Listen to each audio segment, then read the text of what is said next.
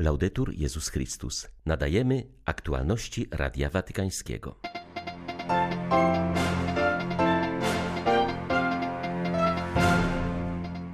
W rozważaniu przed modlitwą Anioł Pański w uroczystość Wszystkich Świętych papież przypomniał, że nie ma świętości bez radości, a błogosławieństwa są proroctwem o nowej ludzkości.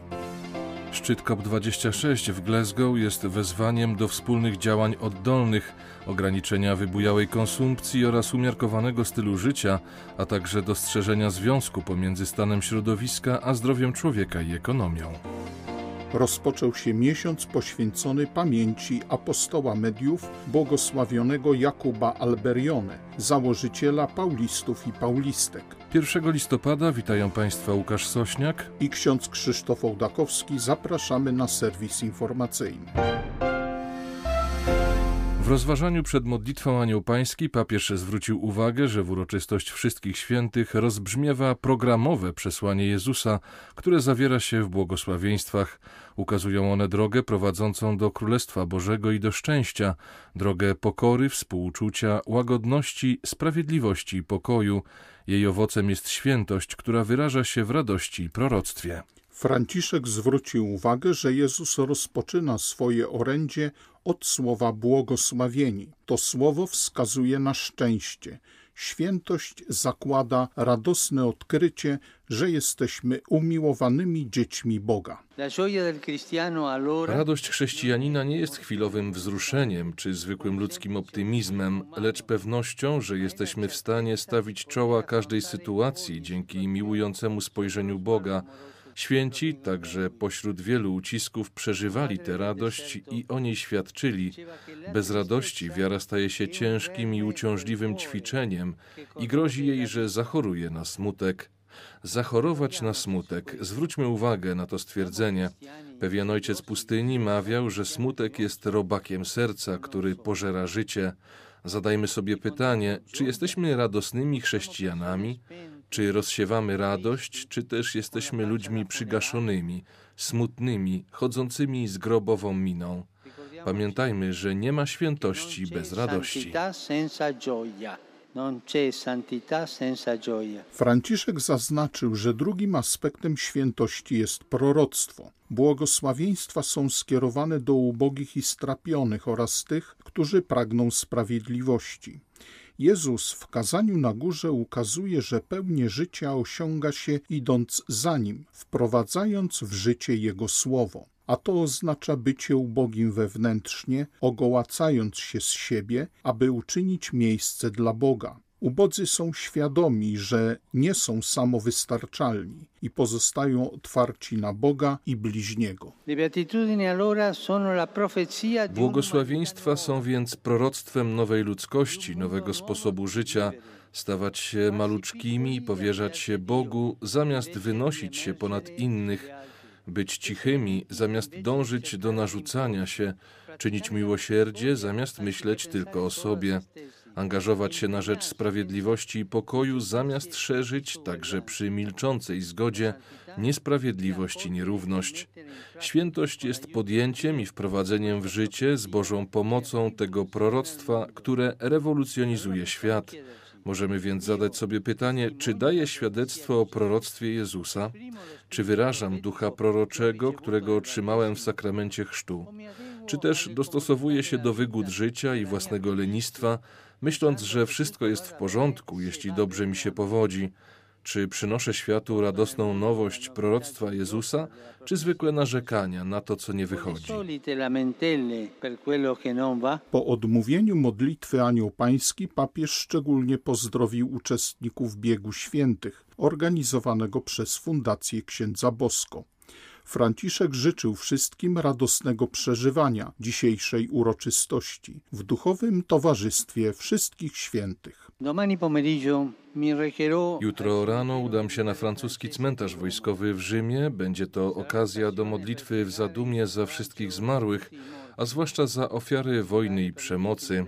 Odwiedzając ten cmentarz, łączę się duchowo z tymi wszystkimi, którzy w tych dniach udają się na modlitwę przy grobach swoich bliskich w każdym zakątku świata. Tydzień temu w rozważaniu przed modlitwą Anioł Pański papież Franciszek opowiedział historię o pełnej determinacji modlitwie Ojca za swoją córkę u progu sanktuarium maryjnego w Luchan. Wydarzenie miało miejsce w letnią noc 15 lat temu. Ojciec Święty pytał, czy podczas modlitwy wierzymy, że Pan może uczynić cud.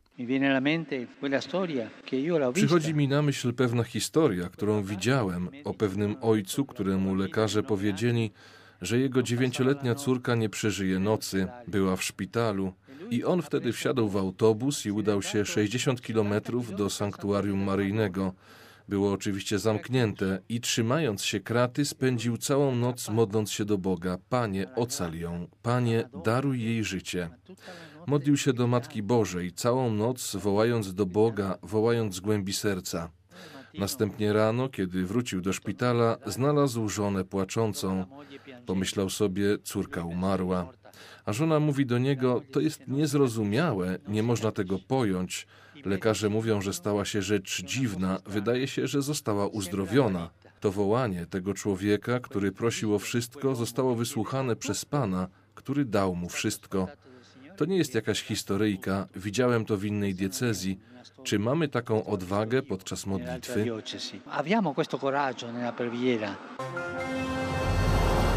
Rozpoczęty szczyt klimatyczny COP26 może prowokować do pytań m.in. o realizm zmian w trosce o planetę.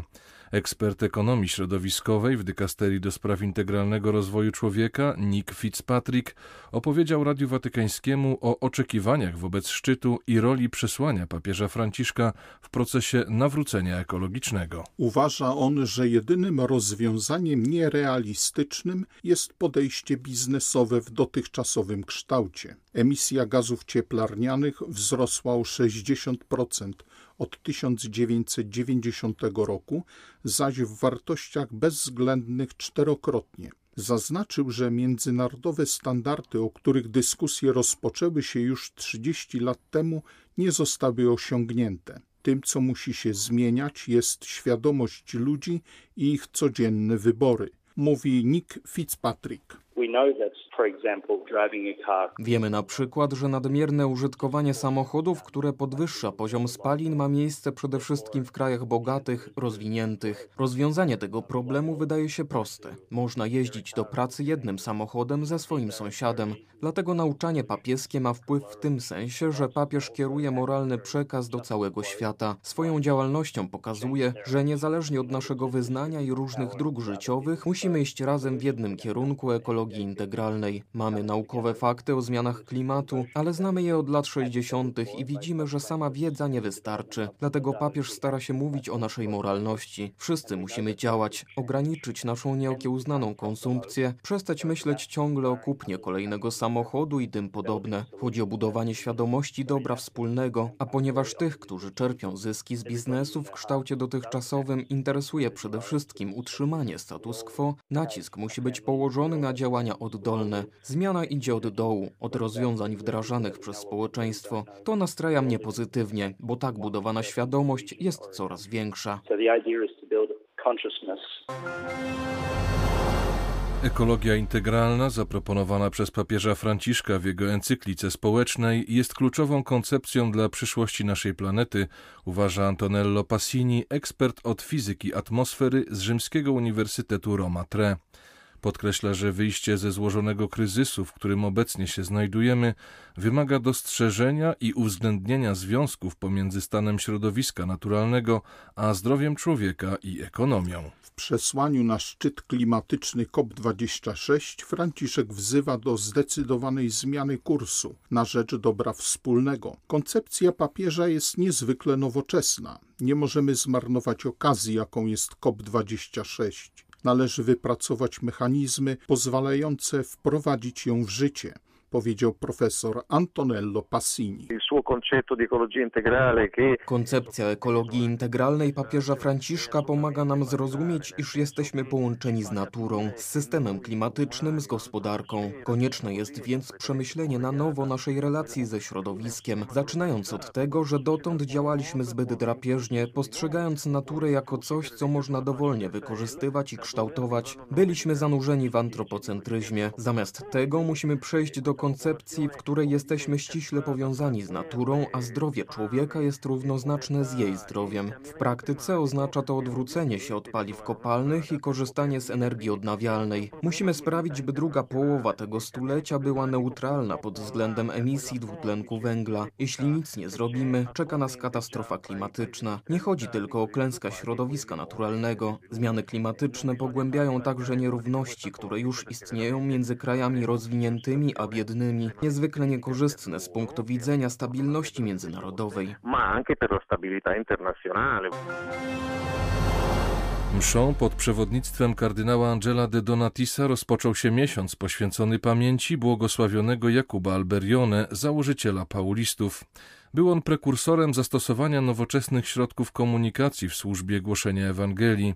Po mszy trumna ze szczątkami błogosławionego została przeniesiona z krypty sanktuarium Królowej Apostołów w Rzymie do głównej nawy kościoła. W tym miesiącu przypada 50. rocznica śmierci Jakuba Alberione, który zmarł 26 listopada 1971 roku. Tamtego dnia umierającego zakonnika odwiedził papież Paweł VI. Był to wyraz uznania Ojca Świętego dla człowieka, o którym kilka lat wcześniej powiedział, że był całe życie nastawiony na badanie znaków czasu. Ksiądz Alberione był jednym z najbardziej twórczych apostołów XX wieku, dał Kościołowi nowoczesne narzędzia do wyrażania swojego przesłania. Przez całe dorosłe życie czuł się zobowiązany do wprowadzenia Kościoła w przestrzeń nowoczesnej komunikacji, dotąd wykorzystywaną wyłącznie przez jego przeciwników. W 1914 roku ksiądz Alberione powołał do życia Towarzystwo Świętego Pawła. Paweł VI podkreślał, że jego życie było naznaczone zaangażowaniem w formację nowych apostołów, a nowe środki komunikacji są dla współczesnego apostoła ważnymi narzędziami ewangelizacji. Z czasem pauliści stali się obecni na całym świecie, stworzyli liczne wydawnictwa i sieci księgarskie.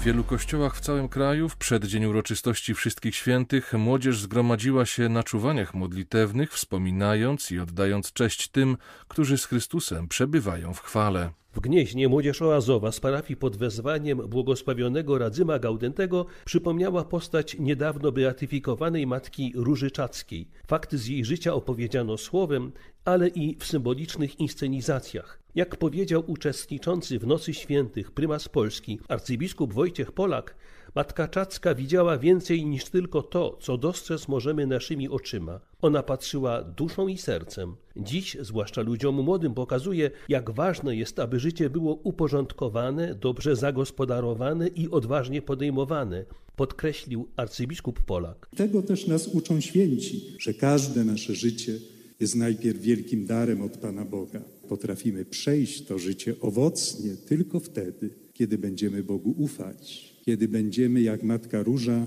na dary Boże się otwierać, kiedy będziemy odważnie i z Bożą pomocą różne wyzwania życiowe podejmować. Podobne czuwania modlitewne odbyły się także w wielu innych miastach Polski, jak na przykład w Łodzi, Pińczowie, Bydgoszczy, Inowrocławiu czy Kielcach. Z Warszawy dla Radia Watykańskiego ojciec Stanisław Tasiemski, dominikanin. Były to Aktualności Radia Watykańskiego. Laudetur Jezus Chrystus.